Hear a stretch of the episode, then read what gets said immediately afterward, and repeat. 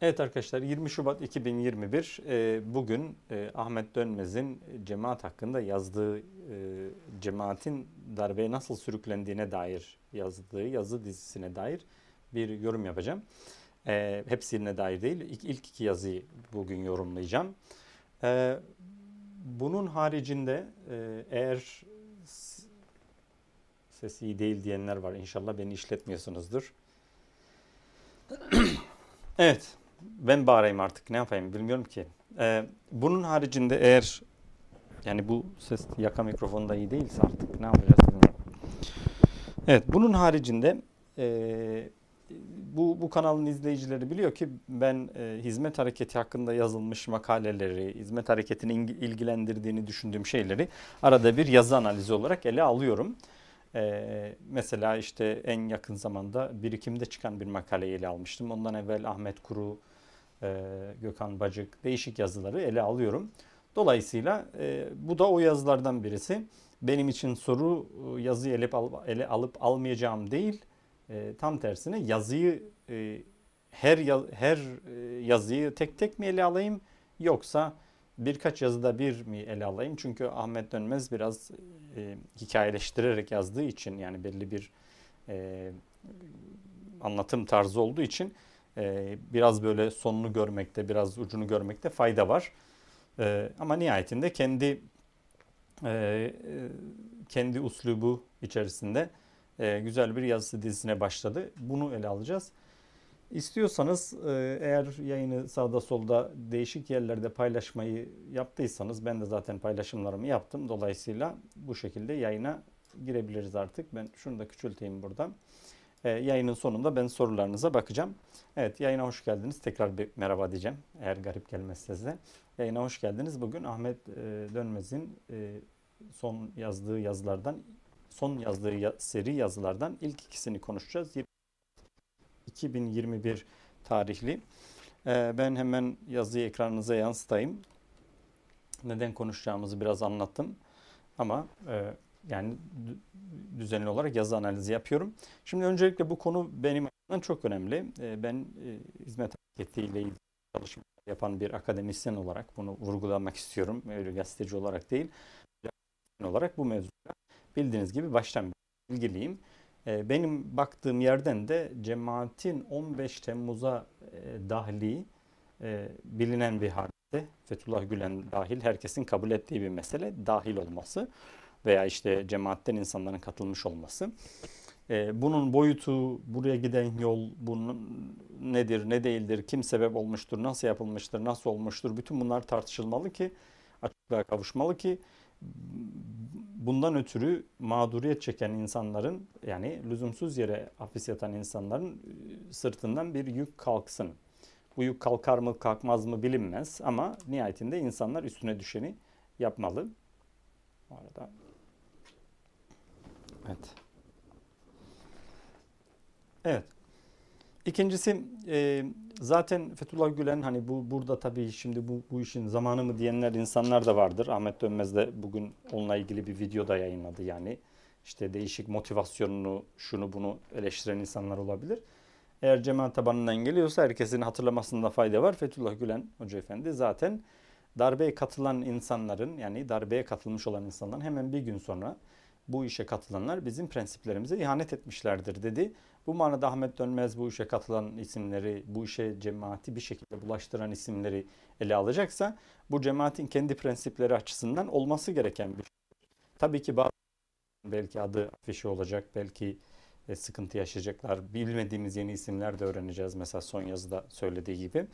Ama bu buna müsbet bir şey, şey olarak bakmakta fayda var. Çünkü ee, baştan Fethullah Gülen Hoca Efendi bunu zaten madem öyle söyledi cemaat tabanını da o kimmiş bakalım bu bizim prensiplerimize ihanet eden insanlar diye bakmasında fayda var. Daha değişik bakmaya fayda yok. Dahası özellikle sistematik bir probleme iş, bakan bir tarafı var. Ee, çok yakın takip edenler bilecektir. Etmeyenler Mahmut Akpınar'ın Mahmut Akpınar Bey'in e, şeye e, Asım Yıldırım Bey'in programında söylediği bazı cümleler var. Onlara dikkat kesilebilir. sistematik bir e, tunnel vision'a, bir bir körlüğe doğru itildiğini, yapısal olarak bazı önlemleri alamadığını, yani bu sürece giden yapısal bazı sıkıntıların olduğunu ve kısmen de devam ettiğini ifade etmişti.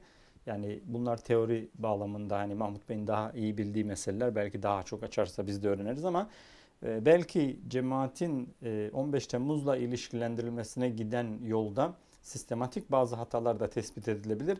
Bunlar da çözülebilir. Bu vesileyle bu çözümle beraber cemaat benzer hatalara, benzer e, şeylere girmeme e, durumuna girebilir.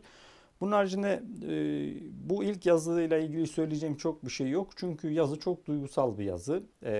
O kadar duygusal ki yani zor bir süreç olacak gibi gözüküyor. Yani söylediği her şeyin nasıl anlaşıldığından kaygı gösterecek, gösteriyor zaten. ilk yazıda biraz onlara giriyor. Ee, zaten bugün yayınladığı ekstra videoda da biraz bundan rahatsız olduğunu da yani fiilen ortaya koymuş oldu. Ya ben şu şu önemli mevzuları söylemeye çalışıyorum. Neden mevzuyu buraya getiriyorsunuz gibi. Ee, yani duygusal olarak çok önemli bir meseleye girdiğini şey yapıyor. Buradaki tek sıkıntı bu mevzu çok duygusallık kabul edebilecek bir mesele değil. Ee, Ahmet Dönmez rasyonel de bir gazeteci. Umarım rasyonel kısmı daha hakim bir e, seri ele alır. Tabii ki bu, bu bunun içerisinde bir kimlik krizi var. Yani bu yazda kendi ifade ettiği gibi e, cemaat iltisaklı cemaat mensubu Ahmet Dönmez ile gazeteci Ahmet Dönmez arasındaki bir kimlik krizini de tanık, tanıklık yapacağız. E, bunun haricinde yazıya yani yazı serisine başlık olarak seçtiği cemaat içeriden adım adım 15 Temmuz'a nasıl sürüklendi e, konusu da bence yani yerinde bir şey. Yani hem merak uyandırıyor hem tam olarak ne anlatmak istediğini e, söylüyor. Ee, tek şeyi böyle pek çok insan bunu okuduğu zaman ya acaba hani cemaat nasıl darbe yapmaya zorlandı tarzı bir şey mi söyleyecek gibi panikleyebiliyor. O normal. İnsanlar şu an kaygı içerisinde her kıpırdanıştan menfi bir anlam çıkar mı diye bakabiliyorlar.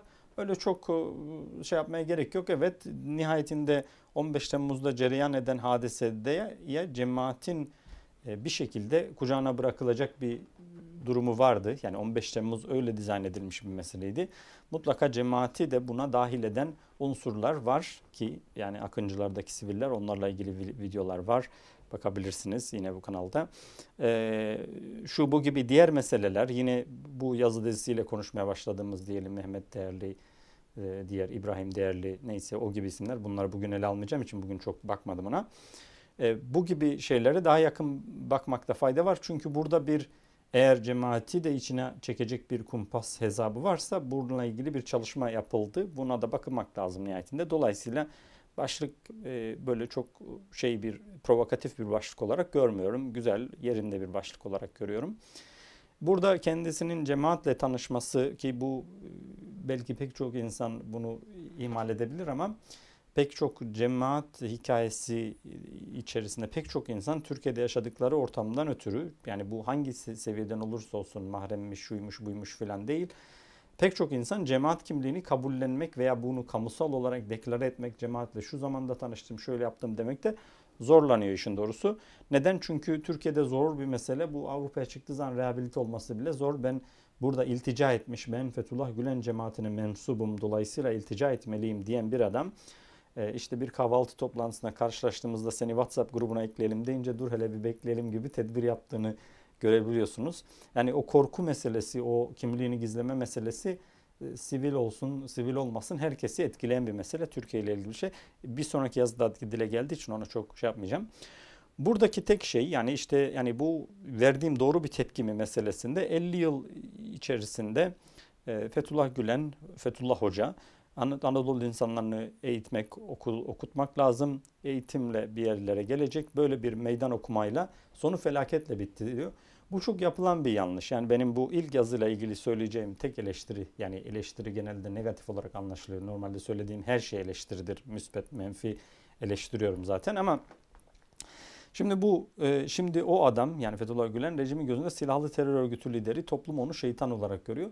Buradaki yanılsama şu. Çoğu insan Fethullah Gülen'in bundan evvel melek olarak kabul edildiğini veya normal kabul edildiğini veya çok saygıdeğer bir insan olarak kabul edildiğini varsayıyor. Bu doğru değil arkadaşlar. Fethullah Gülen 1970'ten beri devletin sakıncalı buldu belki 60'lardan sonra neyse. Yani o tayinlerine bile baksanız biraz işte Edirne'de sakıncalı bulunmuş, şuraya gönderilmiş, askeriyede şöyle sakıncalı bulunmuş, şöyle problem yaşamış filan. E, toplum nezdinde Fethullah Gülen'in ve hizmet hareketinin demonize edilmediği, şeytanlaştırılmadığı ifadesi doğru. Şeytanlaştırılmadığı tek dönem 2006 2012 dönemi arası 6 yıl. 2006 neden diyorum? Fethullah Gülen o o tarihte e, kalıcı olarak Türkiye'de yargılandığı davalardan beraat etti. Türkiye'de nispeten cemaat kabul görmüş bir yapıydı. O zamanki e, işte toplumsal araştırmalar cemaatin bir başarı hikayesi olduğuna yoğunlaşmıştı. Buna rağmen yine de e, biliyoruz ki cemaati kabullenmeyen, cemaati sindirmeyen e, sol Kemalist, Ergenekoncu neyse değişik bir kesimin varlığı vardı. Bu sadece toplumda e, çok makes bulmuyordu. Toplumda da makes bulduğu dönemler de vardı işin doğrusu. Yani e, mesela benim de bir dönem içinde bulunduğum siyasal İslamcılar, MGV'ciler e, cemaati neredeyse tekfir edecek boyutta sevmezlerdi 90'lı yıllarda. Yani İslami camianın gözünde de problemli görülürdü. Nur camiası sesini çıkaramazdı ama çok sevmezdi. Zaten ayrışmadan beri o normal bir ilişki olarak hani bir problem çıksa da biz demiştik desek modundaydı filan. Bu manada aslında çoğu işte genç insan veya çoğu gazeteci zannediyor ki ya işte Fethullah Gülen hep böyle makbul bir insan olarak kabul ediliyordu. İşte bu hükümetle arası bozulunca şeytan olarak lanse edildi. Öyle değil. Çok kısa dönemler hariç işte her darbe döneminde aranan 70-80 90-99 her dönemde sıkıntı yaşayan bir insandı. Bu bir realite. 80-86 arası mesela 6 yıllık aranma süreci, gaybubet süreci var. Pek çok insan için yeni olan bir şey. Fethullah Gülen e, için ve onun yanındaki diğer insanlar için sıradan hadiselerdi. Dahası o dönemlerde bile e, yani hep öyle görünüyordu. E, dini yaşam meselesi Türkiye'de çok problemli değildi. Bunun haricinde söylediği şeylerden şu çok doğru bir e, şey. Yani gerçekten e, bunu hani psikologlar da tanımlıyordur herhalde, görüyordur bunu ama işte gazeteci Ahmet Dönmez ile 30 yılın acı tatlı hatıralarının yoğurduğu hizmet gönüllüsü Ahmet Dönmez'in bir çatışmasını da göreceğiz. Dolayısıyla duygusal bir yazı olacak. Ama sonuç itibariyle Ahmet Dönmez bize burada şöyle bir söz veriyor. Diyor ki milyonlarca masuma leke sürenleri deşifre etmelisin. Benim de bu yazıdan temel beklentim bu. E, bir yazı dizisinden. E, dolayısıyla hakkın hatırı halidir ve hiçbir şeye feda edilemez. Böyle bir teşekkür bence makul bir teşekkürdür. Buraya kadar giriş yazısı, girişi gerektirecek psikolojiyle ilgili konuştuk. İkinci bölümde şimdi zeytinyağı, su ve mahrem hizmetler. Şu an 15 dakikayı doldurdum. 15 dakika buraya ayırabilirim bilmiyorum. Yazıyı hepiniz okudunuz veya dinlediniz. Okumadıysanız veya dinlemediyseniz ben linki koyarım. Burada durdurup e, Ahmet Dönmez'in kanalından yazıyı dinleyebilirsiniz veya okuyabilirsiniz web sitesinden veya Patreon'dan hatta destek de olabilirsiniz. Çünkü bir manada bütün bunları ortaya çıkaran dinamik aslında insanların bağımsız yayıncılığa verdikleri destekten ötürü olabilen şeyler kısmen. Bunun da e, iyileştirici, demokratikleştirici bir etkisine şahidiz. Her şeyini kabullenmeseniz bile Ahmet Dönmez gibi bir insanın veya diğer gazetecilerin kendi bildikleri şeyleri yazmaları çok e, değerli şeyler katıyor diye düşünüyorum. Evet. Şimdi zeytinyağı, su, mahrem ve hizmet. Burada tabi zeytinyağı, mahrem, su ise hizmet oluyor. Ee, bu yazısı işte anlaşılması için şöyle bir şey var diyor. Olayı ikiye bölüyor. Herkes cemaat içerisinde mahrem hizmetleri ya da husus hizmetleri verilen gri bir alanın olduğunu duymuştur, biliyordur. Ancak erbabı ve ilgilisi dışında kimse bu mahrem duvarlar arkasında neler yapıldığını bilmez. Evet doğrudur. Burası kısmen doğru ama buradaki en büyük problem belki bugün yayınladığı videoyu yayınlamasına sebep olacak ve haklı bir e, eleştiri. Kimdir bu mahrem hizmetlerin cevabını vermeksizin ne yaptıklarına geçtiği için ve bunu da genel olarak çok genel şey yaptığı için anlattığı için pek çok insanın doğrudan üstüne alınabileceği bir şey. Çünkü mahrem hizmetler e, işte e, öyle çok bilinmeyen cemaatte yazarın ifade ettiği gibi çok bilinmeyen bir mesele değil. Mesela nasıl tanımlanır? Ee, yani Türkiye TC'nin kendi veya işte Erdoğan rejiminin kendi şeyi içerisinde mahrem hizmetler tanımına e, ya genelde asker, polis ve hukuk üniteleri girer. Neden? Çünkü en stratejik üniteler onlardır. En olunmaması gereken yerler onlardır. Ama teknik olarak E, Ahmet Dönmez şu an itibariyle bunu mu kastediyor yoksa bunların başındaki sivilleri mi kastediyor yoksa bunlar yani buradaki muvazzaf çalışan insanlar ve bunlara ait e, bunlara bakan sivillerin hepsini mi kastediyor yoksa daha geniş veya daha dar bir tanımı var bu belli değil. Eğer kastettiği şey mesela Adil Öksüz tarzı bu işlerle ilgilenen abilerse mesela yazı bambaşka bir kontekste oturuyor. Kimsenin bir itirazı olmaz. Çünkü ileride bunları bazı bazıları bazıları diye zaten ay ayıklıyor. Ama burada öyle bir geniş bir şey var ki e, gözden kaçmış olabilir. Yani bir yani bu bir gri alan değil. Bu bir şey alan. Yani mesela KHK ile en kolay ihraç edilen insanlar oldu bunlar. Bunların yaptıkları gri filan bunlar biraz açıyor. Ama bu bunun adını koy koymayınca biraz bence e, söylenen her şey herkesi etkileyecek bir moda moda geliyor. Şimdi e, cemaatte mesela er, yaşanan kafa karışıklığının en büyük nedenlerinden biri bu e, diye düşünülebilir pek çok insan ama esasen öyle değil. Pek çok insan için cemaatin evet arkadaşlar e, askeriyede, poliste e, kadrolaştığı, e, oralarda da olmalısınız dediği 1985'lerde vaazlardan izah edilen bir mesele. Dolayısıyla pek çok insan için e, bu mahrem yapı meselesi çok da mistik bir şey değil. İçeriğini bilmese de insanlar kısmen bir şeyler biliyorlar, haberdarlar. Bu oran %60'a çıkabilir. Eğer orta 3'den itibaren, orta okul itibariyle cemaatle ilişkisi olan herkes bu yapıyla bir şekilde yani bu yapının o yüzüyle de öbür yüzüyle de temas etmiştir. Ben bu manada dualite tartışmalarını hani böyle bir şey biraz başlatıyor gibi ama dualite tartışması öyle bir şey değildi tam olarak benim hatırladığım kadarıyla. Yani cemaatin iki yüzü var bir bu bir bu. Ondan başka bir şey de var. Yani doğrudan en azından yani İhsan Yılmaz gibi akademisyenler bu dualite tartışmasını yaparken mesela şu şuna referans veriyordular. Fethullah Gülen Hoca Efendi mesela bir yerde e, çıkıyor diyor ki diyelim Ahmet Şık Nedim Şener tutuklanmamalı bu zamanda böyle şey mi olur diye basın açıklaması yayınlıyor Zaman Gazetesi'nde yarım sayfa. Ama öbür yandan bu e, tutuklamayı destekleyen şeyler yapıyor diyorlar. Şimdi ben o destekleyen şeyleri yapıp yapmadıklarının şahidi değilim bilmiyorum ama yani görünüşte böyle bir şey yapıp el altından böyle bir başka bir e, talimat veriyor diye bir e, algı var. Ne kadar doğrudur, ne kadar yanlıştır bilmiyorum ama buradaki üçgen meselesine ben çok karışmıyorum. Bu, yani katılmıyorum. Çünkü cemaatteki iletişim e, tam olarak e, böyle değil, lineer değil. Yani nasıl lineer değil? Yani Fethullah Gülen hem oranın hem oranın abisi oraya ayrı bir şey, oraya ayrı bir şey söylüyor filan. Böyle bir dualite ispatı çok zor bir dualitedir.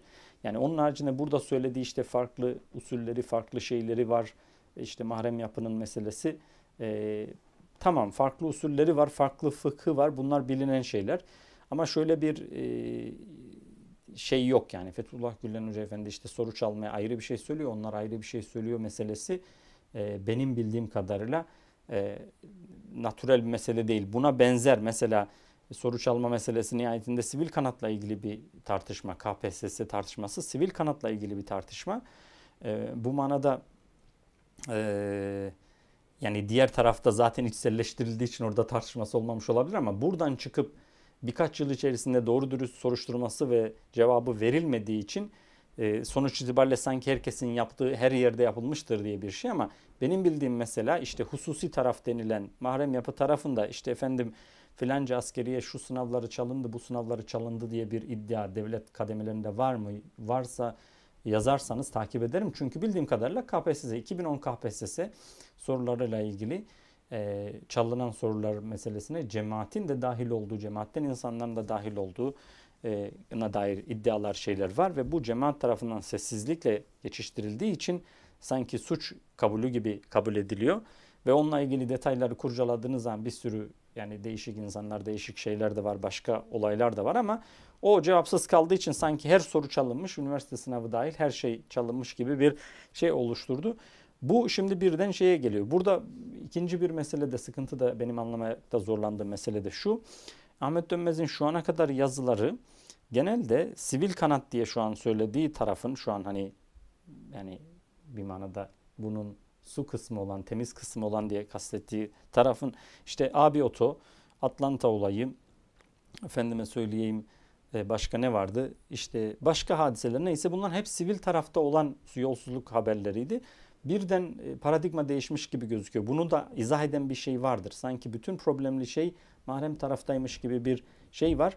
Bu ne kadar doğru ben emin değilim. Yani ilerleyen yazılara bakacağız. E, bana kalsa yani işte belli şeyleri çıkarsanız e, mahrem yapı denilen yapıda daha az yolsuzluk vardır. Çünkü yani yolsuzluk cemaatin tamamında vardır. Bir yerde bir şey olduğu zaman genelde o her yerde gözükür. Yani cüzde bulduğunuz şeyi külde de bulursunuz o manada. Ama yani bir ölçüm yaptığınız zaman bana e, bana e, mesela işte 300 bin doları olan bir imamın yolsuzluk hadisesi, başka yerlerdeki yine yolsuzluk hadiseleri e, şu ana kadar Ahmet Dönmez'in anlattığı hadiseler tam tersini söylüyor. Birden yani orası temiz, herkesin kabullendiği sivilyon, burası problemli gibi bir şey ortaya çıkıyor. Ama bu normal yani işte diyelim ki yeni bir bilgi ışığında yeni bir paradigma ortaya çıkmıştır veya bambaşka bir yönünü anlatacaktır onu bilemem. Ama onun haricinde benim bildiğim şudur. Yani Fethullah Gülen bir şey söyledi diye bu illa uygulanır veya söylemedi diye uygulanmaz veya yapılan her şeyde o vardır şeyi. Ben bunu kabul etmiyorum. Yani A köşesiyle B köşesini ben A köşesini bile doğrudan e, yönetebildiğini düşünmüyorum. E, örnek olarak işte programları izleyenler bilir. Mesela hala daha Çağlayan yazılarından herhangi bir gündemin uygulan bir, bir makalenin bir gündem şeklinde uygulandığına ben şahit değilim. Buna benzer bir sürü örnek verdiğim için tekrar yeni örnekler vermeyeceğim. Ama diğer prensip, diğer meseleler işte yani e, nedir işte hayrı kesir için şerri kaleli kabul edilir. Bunlar farkında değil ama aslında İslam şeyinde kabul edilen meseleler. E, zar, zararı ammın yani çoğunun zararının defedilmesi için zararı has ihtiyarın olur. Bunlar yine bu yazıyla ortaya çıkan yani düsturlar ama değişik bir ışıkta önümüze çıkıyor ama esasen bunlar İslam'da kabul edilen e, meseleler. Bunun haricinde sonra diyor ki e, işte yani bunlar zora talip olmuşlardır. E, buralarda kadar hep şeyler çok e, genel geçer ifade ediliyor. Şimdi bugünkü videoda biraz ya çok genelleme yaptın diyorsunuz ama bu buralara baktığınız zaman çok genelleme var. Hatta genelleme olmayan tek şey şurada diyebilirim. Nerede? genelleme olmayan tek ifade iki ifade var ve o loş birimlerin tepelerinde görev alan bazıları. Gerçekten böyle şeyler söylediği için bunu hatırlıyor yani şey olarak. Ve cemaatin kimi hususi abileri yani mesela dedim ya o yüzden o hususi derken buradaki kimi ifadesi. Ama geri kalan her yerde mesela bu hususi yapılanmanın hatası yani hata, yapının tamamının hatası iddiasının aksine hukuksuz yapıya son verip Türkiye'yi şeffaflığa kavuşturmak yerine ki ben böyle bir iddiası olduğunu bilmiyordum. Mesela her yerde var olma iddiası, her yerde olamazsanız hiçbir yerde olamazsınız. Bu düstur mesela benim anladığım kadarıyla e, her yerde olma hiçbir yeri hariç tutmama manasında bir her yerde varlık gösterme bir sampling şeydi. Bu özellikle 2000'li yıllardan sonra her yeri ele geçir, her yerde en çok sene ol şeklinde uygulandı. Benim elimde bunu doğrulacak rakamlar var ama e, bu kendi başına yani her yerin her yerini ele geçirme anlamına değil. Tam tersine e, yani o zamana kadar insanların kafasında hakim, savcı, avukat, polis, asker, şubu gibi dine mesafeli yerlere girme problemliydi. Bunu aşan bir şeydi. Bunun toplumda bir karşılığı oldu. Bu karşılığın popülaritesi arttı ve bir noktada işler çığırından çıktı diye düşünüyorum. Ama e, onun haricinde şey değil. Yani e, mesela böyle bir model kurdu ki dünyanın dört bir yanında okul diye konuşturanlarla bürokrasiyi adam diye yarıştıranlar birbirine karışmadı. Öyle değil. Çok çok ciddi manada karışıyor. Orta, orta, ortalama bir orta üç tecrübesi olan e, bir insanın e, bildiği bir şey. Yani cemaatin yüzde altmışını bu manada hani özellikle vazifeli insanların çoğusunun bildiği meseleler. Vazifeliden kastım hizmet hareketinde gönüllü olarak yöneticilik yapmış insanlar bu şeylerin varlığından haberdardır. Bunlar normal. Neden normal onu da söyleyeyim. Yani mesela bu ibadet gizlemesi, şusu busu filan. Genelde insanlar e, unutuyor ama şöyle bir durum var. Mesela ben 95 yılında Rize'de Anadolu Okul, Anadolu Lisesi'nde öğrenciyken şunu görüyordum. Mesela dindar olan birkaç hoca vardı ve namazlarını asla okul mescidinde kılmazlardı. Bunlar Nurcu da yani şey Gülenci de değillerdi. Bir tane Nurcu memur vardı. O da gizli kapaklı yani gizli kılardı. Herkes gizli kılardı. Yani öyle bir dönemden geçti ki Türkiye. Yani bunun daha eskiye gitseniz Mehmet Ali Şengül Bey'le yaptığımız röportajda bir yerde o da söylüyor. Onlar da öğretmendi mesela. Öğretmenken yani bazen din din din kültür ahlak bilgisi öğretmenin ibadetini niye gizli yapsın? Öğretmenler için bile sakıncalı bir dönem vardı. Yani az daha geri gitseniz yani Kur'an'ın yasaklandığı, ezanın yasaklandığı, şapka işte kanununun uygulandığı filan bir dönemden o travmadan yetişen insanlar ve sonra yavaş yavaş bir normalleşme oldu. Kısmen sanki insanlar yani dini de yaşayabilirsin ama hala daha insanların kafasında askeriyede olamazsın, hariciyede olamazsın, hakim, savcılık, şu bu gibi yerlerde olamazsın. Bu yüzden o başörtülü insanların oralara gelmesi ciddi bir şey oluşturuyor. Dolayısıyla Türkiye'de ben olsam mesela işte mahrem yapının varlığını anlamak için bu kadar uzun bir şeye gitmezdim ama güzel bir açıklama yapıyor burada. Nedir işte yani e, yani bir de şey pardon yani cemaatin geri kalanına karşı tedbir uyguladığı kısmı doğru ama öyle e, insanların bilmediği bir şeyler değil. E, evet şöyle bir şey var yani cemaatin %99'unun soru çalma meselesine tepkisi budur. Ben de hep söylediğim şey yanlış anlaşılıyor gibi düşünüyorum. Bazen şunu söylüyorum yani bu tarz iddialar ortaya çıktığı zaman benim söylediğim bu iddialar doğrudur yanlıştır değil. Çünkü ben diyelim ki doğruluğuna kanaat getirecek kadar insanla görüşmüş olabilirim. Ama bu beni bu iddiala bu bir suçlama olduğu için bu bir suçlama doğrudur noktasına getirmez. Bu bir soruşturulmalı. Çünkü devlet yapmıyorsa da sen, devlet yapsa bile sen kendi içinde soruşturursun. Genel geçen de İngiltere'de bir kanalda bu arada 28 dakika oldu. Bir kanalın spikeri e, işte koronavirüs tedbirlerine aykırı hareket etti diye devlet ceza verecek vermeyecek tartışmasının haricinde kanal kendi içerisinde ona yani bizi temsil etmiyorsun diye bir e, disiplin soruşturması geçirip ona göre e, ceza verdi. Nihayetinde e, so, so, sonuç olarak yani bu meselelerin soruşturulması ve cemaatin pozisyonunun yeniden belirlenmiş olması, buna karşı alenen durmuş olması ve bu şekilde insanları ikna etmesi mümkünken bir bakıyorsunuz öyle bir yol tercih edilmediği için o meselede sessiz kaldığı için bu sanki herkesi bağlayan bir hadise haline gelmiş. Dolayısıyla evet bazı insanların şey yok. Bu menfi hizmetler kısmı benim bilmediğim bir şey, duyduğum bir şey. Yani böyle bir şey var ama ben artık duyduğum şeylere inanmadığım için yani yazı bize şey sunarsa şey yapar. Yoksa e, bu tarz suçlar mesela gerektiğinde kumpasa başvurulması tasfiyeler için sahte delil üretilmesi falan gibi şeyler mesela bugün bile tartışılan meselelerdir. Ben bu tarz suç iddialarının çok sağlıklı delillerle yapılması gerektiğini düşünüyorum. Onun haricinde e, işte bu mahrem yapının en büyük başarısı tekrar büyük bir genelleme var. E, işte yani iki yerde daraltma haricinde genelde çok ciddi bir genelleme olduğu için insanları rahatsız ettiğini düşünüyorum. E, Fethullah Gülen Hoca Efendi'nin de iki boyuttan fazla da boyutu var. Ama ben e, yani Fethullah Gülen'in burada ifade ettiği gibi e, siyasal bir şurada AB grubu şeklini anlatırken siyasi hedefler güden bunun için emir veren şey yapan birisi olduğunu düşünmüyorum. Hatta yazı böyle giderse burada ciddi bir problem çıkabilir. E, çünkü Türkiye'de yani ben darbe olduğu zaman e, eşim ilk sorduğu zaman mesela yani yapmış olamaz mı diye benim kafama direkt şu geldi. E, Fethullah Gülen açısından darbe kazan yani darbe girişimi bile hiçbir şekilde e, kazanabileceği bir şey değil. Yani çok basit bir matematikten bakın. Darbeye kalkıştı diyelim. Bir an için Fethullah Gülen darbeye kalkıştı diyelim. Kazanırsa Türkiye'yi ele geçirecek. Bu ne demek? Bütün dünyadaki faaliyetlerini kapatacak. Çünkü kendi ülkesinde darbe yapan bir hareket e, bütün dünyada sıkıntı yaşar. Bütün dünyadaki faaliyetleri e, ters e, algılanır. Dolayısıyla bütün dünyayı kapatacak kendisi de her şeyini toplayıp Türkiye'ye gidecek. Türkiye'de darbeci bir şey haline gelecek.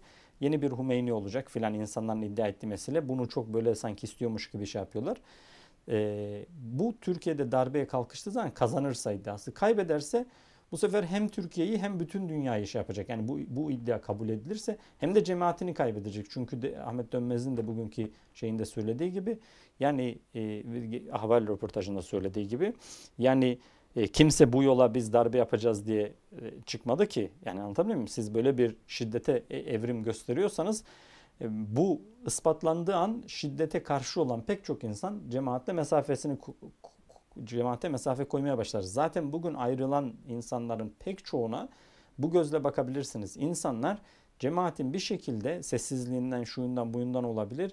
Bu meselelerde suça karıştığına, şiddete bulaştığına ikna olduğu için bunlara sebep olduğuna ikna olduğu için yani temiz ve iyi niyetli insanlar oldukları için, barışçıl oldukları için ve Gülen cemaatinin böyle bir şey yapmamış olması gerektiğini düşündükleri için mesafe koyduklarını görüyorsunuz. Bu ispat edilirse cemaat çökertilir zaten. Ee, ben e, siyasi bir hareketin lideri olma meselesine çok katılmıyorum ama 30 dakikaya da dolduk. Aile ayrı, bey ile ayrı konuştuklarını da düşünmüyorum. Yani bununla ilgili de benim hani şeyim yok ama nihayetinde Fethullah Gülen'in 3 aşağı 5 yukarı herkesle aynı konuştuğunu düşünüyorum.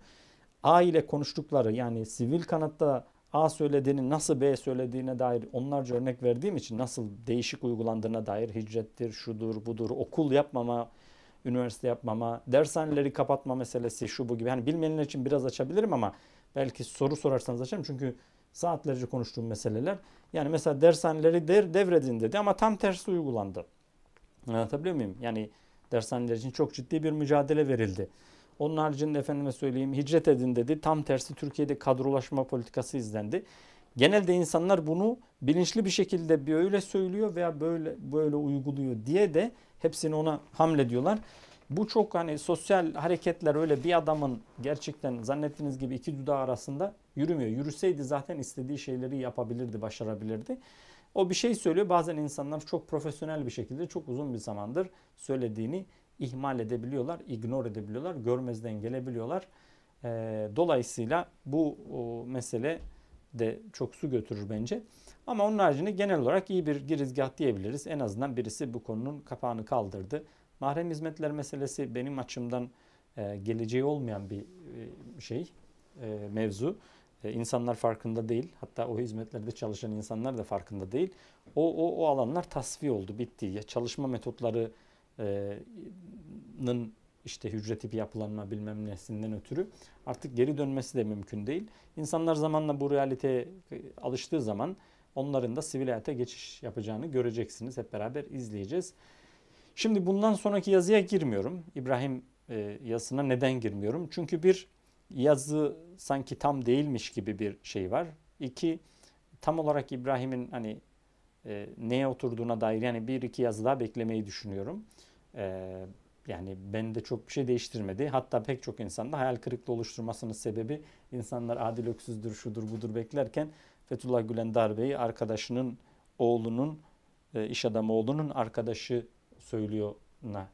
Yani hani ben birisi Twitter, WhatsApp'tan yazdı da yani Tayyip Erdoğan eniştesinden duyduğuna inansam Fethullah Gülen'in de e, sadece buradan duyduğuna inanıyorum. Ben Fethullah Gülen Hoca Efendi'nin darbeden birçok kanaldan haberdar olduğunu düşünüyorum. Muhtemelen o röportajda en alakasız, en uzak yani herkesin diline düşmüştü manasında o örneği verdiğini düşünüyorum. Yoksa asıl sorulması gereken sırf ondan mı duydum, başkasından duymadım mı gibi daha kapsamlı, daha de- değişik bir konu. Biraz daha devam ederse onu e, ayrıca yani birkaç yazı sonra birkaç yazıda bir konuşalım diye istiyorum. Umarım buraya kadar her şey nettir. 35 dakikada tamamlamış olduk. İzlediğiniz için teşekkür ediyorum. Evet, bunu kesmeyi yapabileyim diye yaptım. Şimdi sizin sorularınıza bir bakayım hızlıca. Bakalım ne var ne yok. Evet ilk sorulardan başlayacağım ama. Evet. Comment. Öncelikle Tabek Bey hemen buraya tekrar yansıtıyoruz. Teşekkür ediyoruz. İnşallah her teşekkür ediyorum. Mesela iyi niyetiniz bile yeter. Her çok pek çok insan yapıyor. Şimdi bu her, herkesin aklına geliyordur. Ahmet Dönmez Bey ile program yapma imkanım var mı? Teknik olarak var arkadaşlar. Hatta ben bu program içinde da, davet ettim. Ahmet Bey zaten ahvale konuşacağım ben dedi. Yani ben bu program birkaç gün önce sorarken teorik olarak hemen sordum, davet ettim. E, ahvale konuşacağım, kendim de videolar çekeceğim. Kendimi ifade edebildiğimi düşünüyorum dedi. Hatta ben orada şaka yollu benim soracağım soruları kimse soramaz. Yani bu da benim uzmanlık alanım gibi şey yaptım ama e, sanırım e, şu an için vakti müsait değil katılmayacak. Katılmak isterse arada bir onunla da konuşuruz. Çünkü o burada olsa ben doğrudan soracağım sorular da var. Yok değil yani buna nasıl vardınız, bunu nasıl çıkardınız, bunu nereden şey yaptınız. Bu şekilde daha iyi anlaşılır diye düşünüyorum. Ama bu yazının doğası gereği e, Ahmet Dönmez tamamını yazana kadar çok konuşmak istemese de anlamak lazım. Çünkü insanlar sözlerini, cümlelerini ciddi ciddi dikkatli bir şekilde e, e, seçiyorlar. Ahmet Dönmez de yani olayı kafasında baştan sona bitirmeden yazmaya başladığını düşünmüyorum. Dolayısıyla hani daha yani ilerideki bölümlerde konuşacağı bir, bir meseleyi siz sorarsınız sanki cevap vermemiş gibi olur. Öyle bir yanı da var. Anlaşılıyorum. Evet. Ses meselesi hariç yayının linkini paylaştığınız için teşekkür ediyorum. Şey, e, yayını izlediğiniz için teşekkür ederim. Görüşmek üzere. iyi günler.